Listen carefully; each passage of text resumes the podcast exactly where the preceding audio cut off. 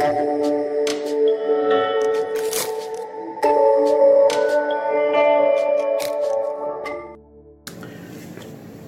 kabar, Rock Beloved? Perjumpaan yang menyenangkan kalau saat ini saya kembali boleh berdiri di hadapan Anda semuanya. Satu bulan kita sudah lalui dan saya ingin melanjutkan kembali apa yang saya perbincangkan di bulan kemarin ketika berbicara tentang New Dimension dan saya melanjutkan dalam New Dimension bagian yang kedua. Sedikit mengulas bahwa antara dimensi dan ukuran adalah sesuatu yang berbeda.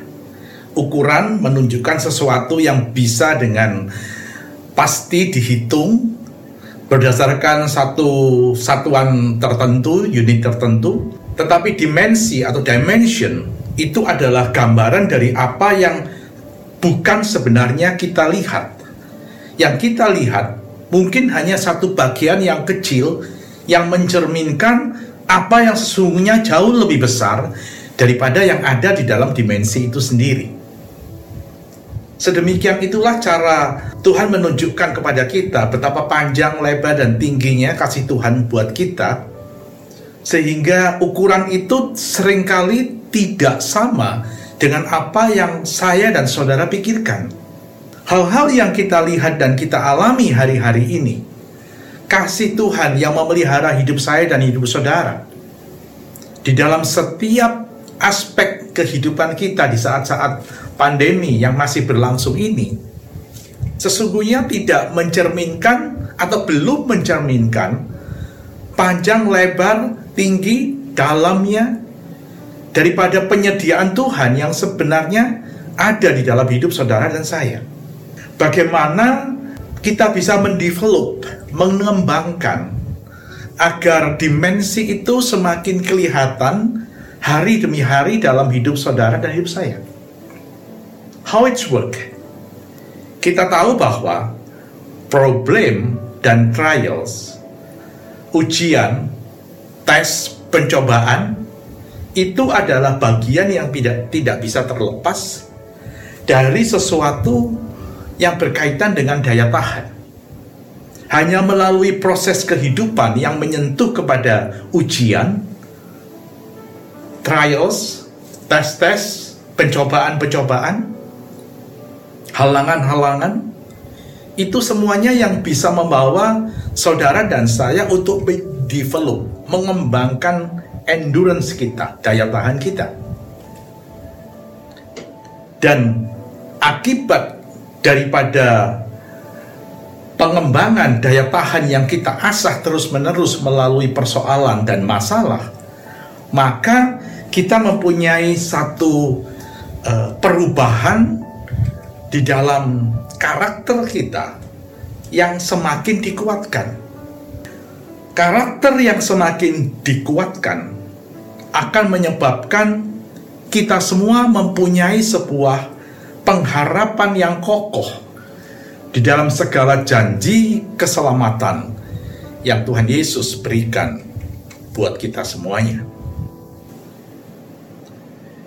Mendevelop daya tahan kita adalah sesuatu yang mutlak kita lakukan kalau kita ingin melihat dimensi yang lebih jauh lagi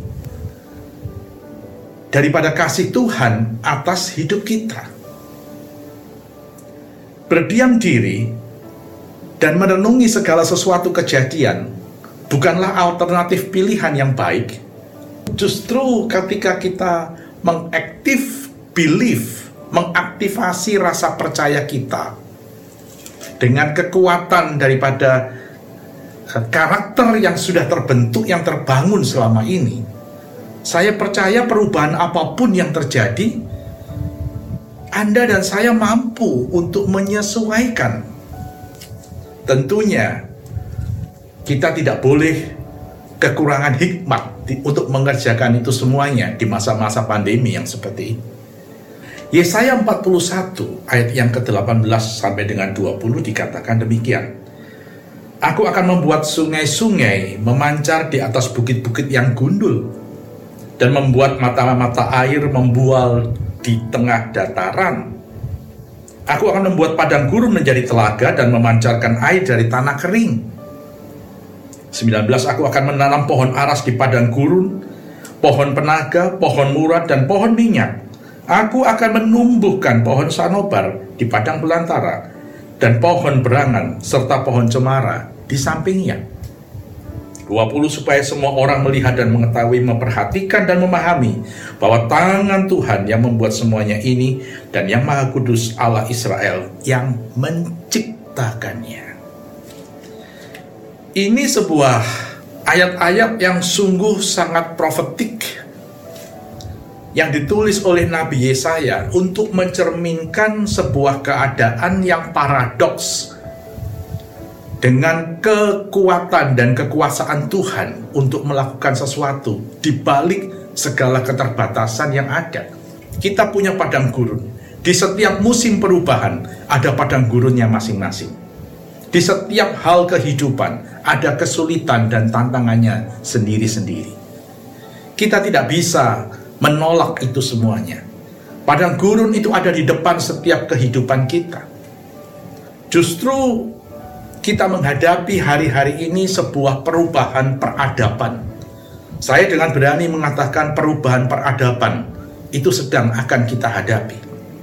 Sebuah hal yang membutuhkan ekstra endurance kita semuanya. Iman kita harus bekerja di dalam sebuah hal untuk menyatakan sesuatu yang aktif belief, bukan yang pasif belief, tetapi aktif belief. Sesuatu yang membuat saudara dan saya mempunyai sebuah keyakinan.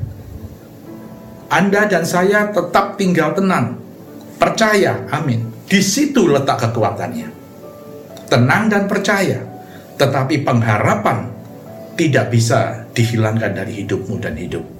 Itulah yang membuat Tuhan bisa menyediakan karena dia dikatakan karena Allah Israel yang menciptakannya padang belantara yang dialiri oleh air-air sungai. Padang gurun yang ditanami pohon-pohon, minyak, pohon ara, pohon cemara. Sesuatu yang mustahil. Sesuatu yang impossible. Tetapi yang Tuhan bisa lakukan. Sesungguhnya itulah yang disediakan di saat-saat yang seperti ini. Ketika kita mendevelop our endurance, di situlah sebenarnya kita sedang menyaksikan satu perubahan karakter dalam diri kita sendiri yang membuat kita punya satu keyakinan, punya satu keyakinan bahwa sesungguhnya pengharapan keselamatan akan janji Tuhan itu tetap tersedia sampai saat ini. Poin yang pertama yang saya ingin bagikan di dalam New Dimension bagian kedua adalah changes to stronger perubahan-perubahan untuk menjadi lebih kuat. Yusuf adalah salah seorang tokoh di dalam Alkitab Perjanjian Lama yang menjelaskan kepada saudara dan saya sebuah gambaran bayang-bayang daripada Yesus Kristus yang sempurna. Yusuf dibuang dari keluarganya mengalami sebuah perjalanan 13 tahun sebelum sampai ke istana yang disediakan Tuhan di Mesir buat Yusuf dan kelak buat keluarganya.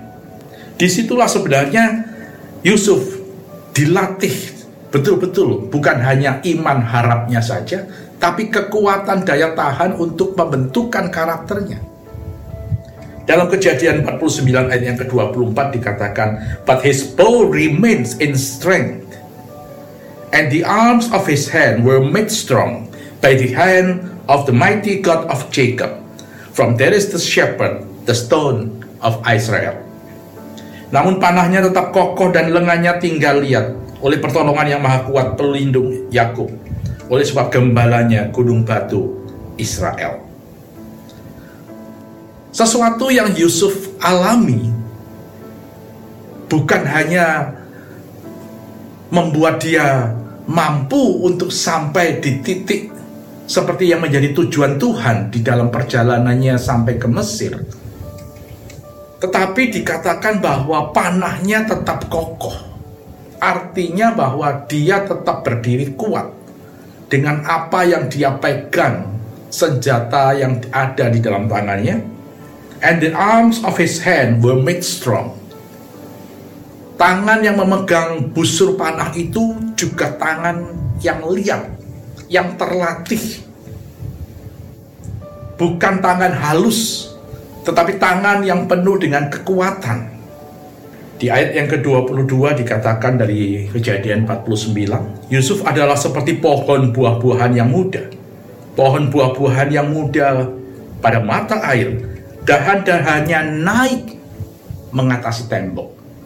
Sebuah tanaman di mana batang dan dahan itu naik. Tembok tidak menghalangi, tapi justru dia melebihi, tumbuhan itu melebihi. Ketika dia melebihi tembok, artinya halangan dan tantangan tidak menyebabkan dia tidak mampu untuk berbuah dan melebihi tinggi daripada halangan rintangan itu, tapi dia mampu untuk membangun dirinya jauh melebihi tantangan dan halangan yang ada di dekatnya. Justru itulah kekuatan yang dimiliki oleh Yusuf. Dikatakan tangannya ketika memedang panah itu tangan yang liat, berotot.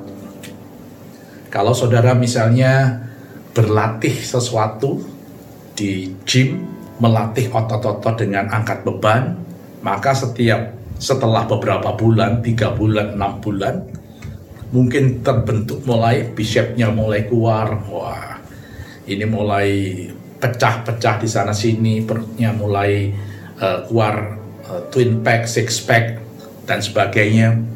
Sesuatu yang membuat tubuh kita menjadi berubah, jalannya juga berubah. Itu akibat latihan. Tidak mungkin seseorang yang tidak berlatih lalu mengalami perubahan eh, tangan yang lihat seperti itu. Justru di situlah kekuatan yang ditunjukkan. Nah, kapan kita mulai lemah? Kalau Anda berlatih, Anda menjadi kuat daya tahan menjadi kuat. Tapi apakah selalu kita mampu untuk kuat? Seringkali kita bisa mulai lemah di saat-saat seperti ini. Kapan itu bisa terjadi? Kita akan menjadi lemah, bahkan masuk di dalam bahaya ketika kita mulai membandingkan calling kita dengan orang lain. Kita mulai melihat situasi yang ada dibandingkan dengan diri kita kita mulai melihat panggilan dalam diri kita dibandingkan dengan orang lain. Di saat itulah sebenarnya ketika kita mulai membandingkan diri kita, kita akan mulai dihinggapi perasaan insecurity. Insecurity rasa tidak aman.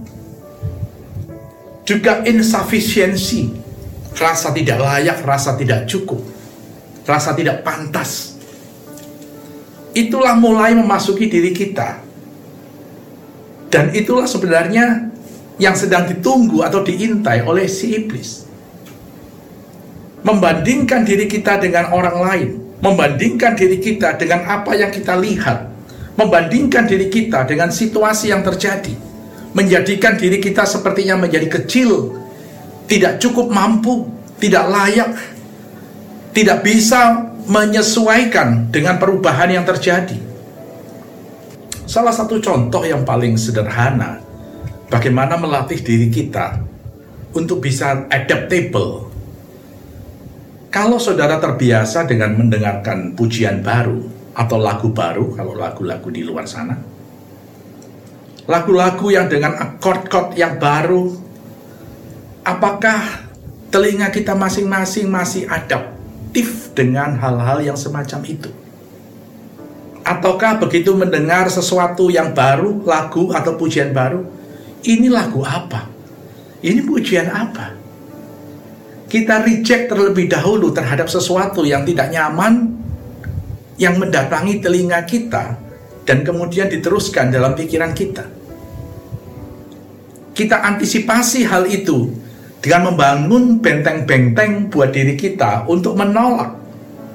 Bahkan lagu yang baru pun, yang sebenarnya lagu itu sangat-sangat baik pun, karena kita tidak terbiasa untuk melatih diri kita, maka kita mulai membandingkan dengan lebih enak menyanyikan lagu yang sudah terbiasa. Lebih nyaman untuk didengar dan mendengar lagu-lagu yang sudah biasa, yang otomatis akan keluar dari mulut lidah bibir kita. Itu adalah hal-hal yang sering kali terjadi ketika kita mulai membandingkan dan melihat sesuatu yang kita anggap baru, termasuk panggilan yang Tuhan percayakan dalam diri kita, sehingga kita merasa insecurity dengan hal-hal seperti itu. Kita perlu berlatih dari hal-hal yang paling sederhana untuk memasuki satu level yang lebih kuat dari sebelumnya. Karena yang di depan kita ini ada musim peradaban baru, bukan hanya musim perubahan baru, musim peradaban baru yang saya tahu sedang akan mendatangi kita. Karena kita melihat ke depan ini seperti apa perubahan yang terjadi. Perubahan yang terjadi sudah dalam quote and unquote sangat signifikan di depan kita. Hanya orang-orang yang aware dengan perubahan ini yang akan melanjutkan satu eksistensi yang kuat, betul-betul kuat di dalam segala hal dan mampu untuk mengolah pikiran-pikiran dengan hal-hal yang baru. Mari kita menjadi lebih kuat dari sebelumnya. Mari kita mempunyai dan membangun daya tahan yang lebih kokoh atas hidup kita di masa-masa yang akan datang. Karena ini adalah cara untuk melatih supaya tangan kita tetap lihat untuk memegang busur dan menarik anak panah dan melepaskannya di titik yang paling tepat yang ada di masa depan kita. Poin yang kedua, change to new hope. Perubahan-perubahan untuk pengharapan yang baru. Kejadian 45 ayat yang kelima tentang Yusuf masih. Tetapi sekarang janganlah bersusah hati dan menyesali diri karena kamu menjual aku ke sini. Sebab untuk memelihara kehidupanlah Allah menyuruh aku mendahului kamu. Ada dua tahun masa kelaparan dan lima tahun masa tidak bisa membajak dan menuai yang terjadi pada saat itu. Dan itu Tuhan tahu sedang akan dihadapi oleh Yusuf dan keluarga besarnya. Karena itu untuk tetap membangun sebuah pengharapan, Yusuf mendahului untuk pergi ke Mesir. Mungkin tidak banyak orang tahu. Bahkan mereka menolak betul-betul. Seperti yang mereka mengusir Yusuf untuk sebuah tujuan yang tidak pasti di masa depan. Tapi justru itulah bagian daripada rencana Tuhan yang besar untuk Yusuf sendiri dan juga untuk keluarganya. Untuk membangun kehidupan Membangun kehidupan bicara sebuah hope, pengharapan. Kita melihat hari-hari ini yang sedang kita bangun, yang saudara sedang rencanakan untuk dikerjakan, adalah hal-hal yang berkaitan dengan perubahan untuk pengharapan di waktu yang akan datang.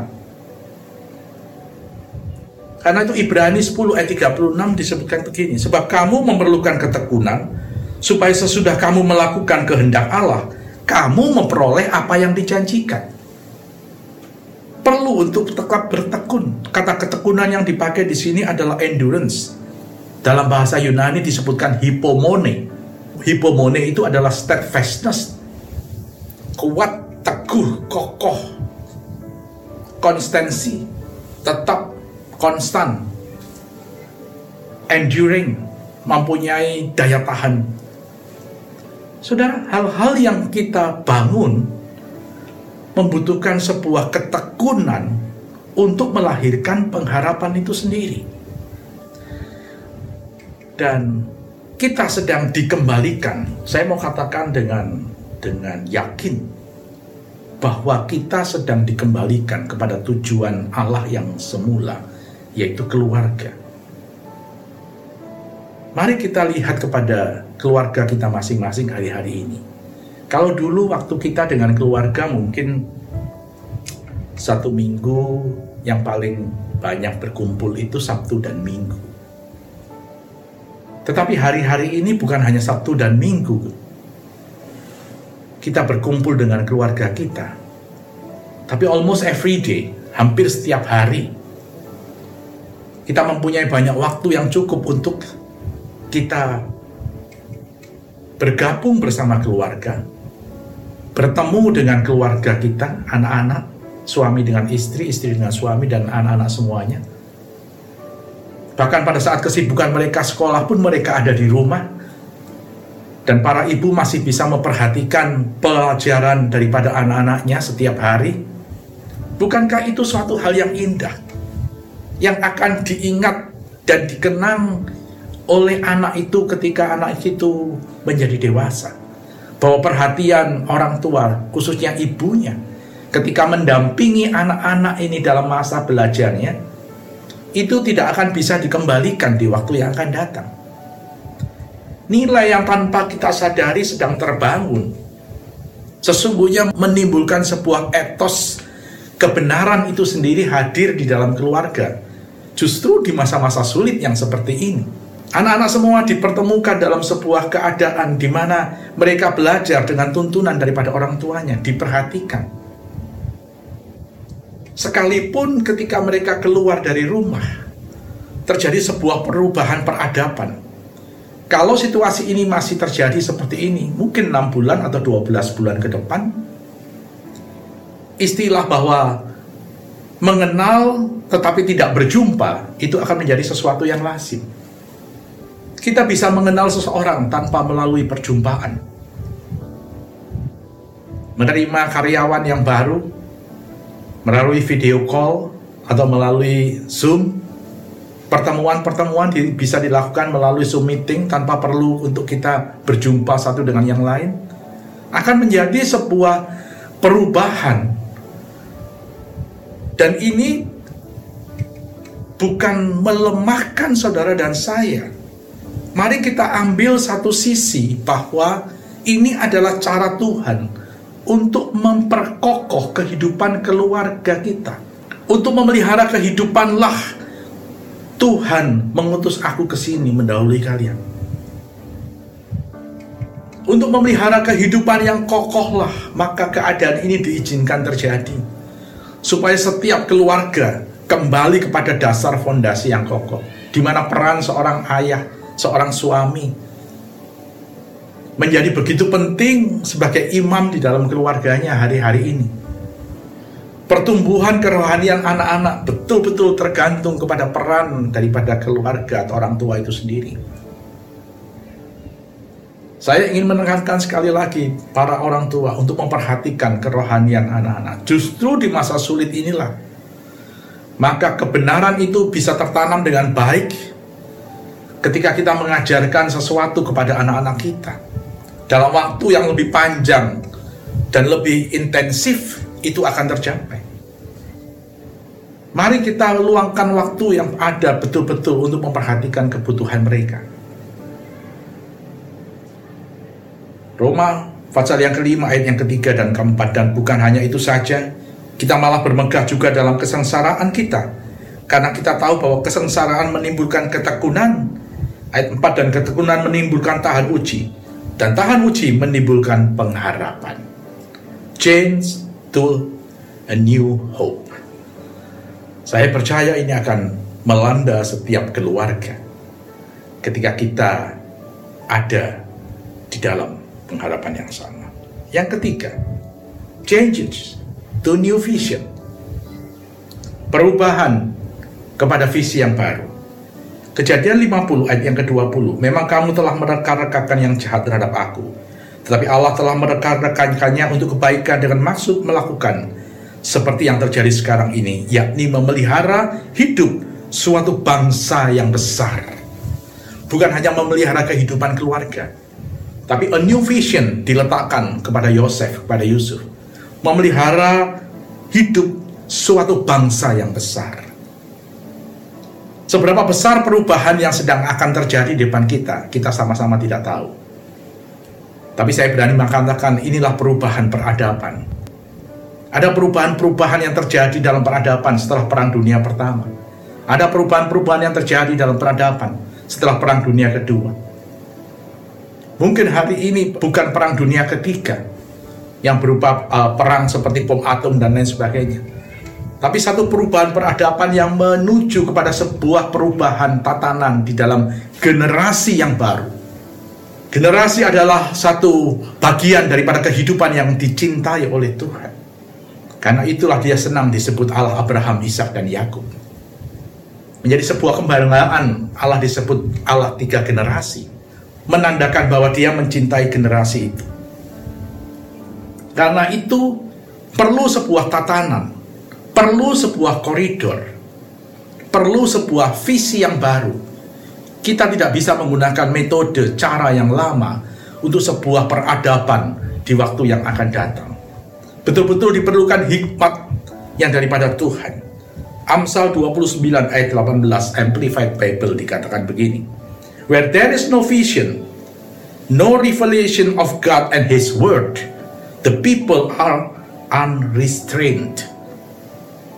Pada saat tidak ada visi, no revelation of God and His Word, tidak ada pewahyuan dari Tuhan dan firman, tidak ada arahan lagi, tidak ada koridor, maka the people are unrestrained, maka orang-orang menjadi liar, tidak bisa uh, punya satu batasan kehidupan perlu sebuah visi yang baru dengan hikmat yang dari Tuhan. Hari-hari ini saya percaya uh, new revelation itu dicurahkan kepada setiap keluarga. Bukan hanya para kami para hamba Tuhan, tapi setiap keluarga juga diberikan pewahyuan-pewahyuan yang baru. Para kepala keluarga, Anda bisa meminta pewahyuan yang baru dari Tuhan untuk keluarga masing-masing. Itu adalah hal yang terindah yang paling saya lihat hari-hari ini dibangun, yaitu keluarga kita masing-masing. Kesempatan yang tidak pernah datang selama ini, paling tidak selama saya hidup. 61 tahun usia saya. Saya tahu bahwa ini adalah masa yang justru setiap keluarga diberikan kesempatan dan waktu untuk membangun bukan hanya imannya, tapi rasa percaya yang sungguh-sungguh, yang aktif yang dikerjakan untuk menerima pewahyuan baru dari Tuhan sehingga keluarga masing-masing mempunyai koridor di dalam perjalanan kehidupan mereka. Karena mari kita lihat bahwa musuh yang terbesar yang dihadapi bangsa Israel ketika 40 tahun mereka ada di padang gurun bukan lawan lawan musuh mereka tetapi justru adalah pikiran mereka sendiri. Pikiran mereka, kenangan mereka akan Mesir yang sudah ditinggalkan. Segala hal yang mereka tidak ingin perubahan itu terjadi, yang menyebabkan mereka akhirnya berputar-putar sendiri 40 tahun di padang gurun. Dan kita ketika kita melakukan hal yang sama seperti apa yang bangsa Israel ini lakukan, sebenarnya kita sedang mensabotase His gift to us. Kasih karunia Tuhan atas kita. Ketika kita hanya berusaha membendung segala sesuatu, menolak untuk hal-hal yang baru yang sedang ada di depan kita. Apa pun hal itu, kita anggap bahwa kita tidak sesuai dengan itu. Maka sebenarnya kita sedang mendistorsi kita sedang mengabaikan daripada kasih karunia Tuhan yang diberikan kepada kita. Rasa tidak aman untuk melihat bahwa ada sesuatu yang Tuhan persiapkan buat kita. Padahal itu nyata. Ada banyak orang yang hari-hari ini melakukan pekerjaan yang baru dengan cara yang baru, dengan sistem yang baru, dengan teknologi yang baru mereka aware untuk itu dan mereka mau dan bisa melakukan ketika mereka merubah mindset mereka dengan a new vision, dengan visi-visi yang baru. Mereka melakukan terobosan-terobosan hari ini dan luar biasa hasilnya. Saya percaya hari ini setiap orang yang mendengar akan firman kebenaran firman ini, jangan keraskan hatimu. Mari buka pikiran kita masing-masing. Saya percaya Tuhan beracara kepada kita semuanya dan membuat segala sesuatu yang baru itu menjadi indah pada waktunya Tuhan sendiri. Amin. Tuhan Yesus memberkati.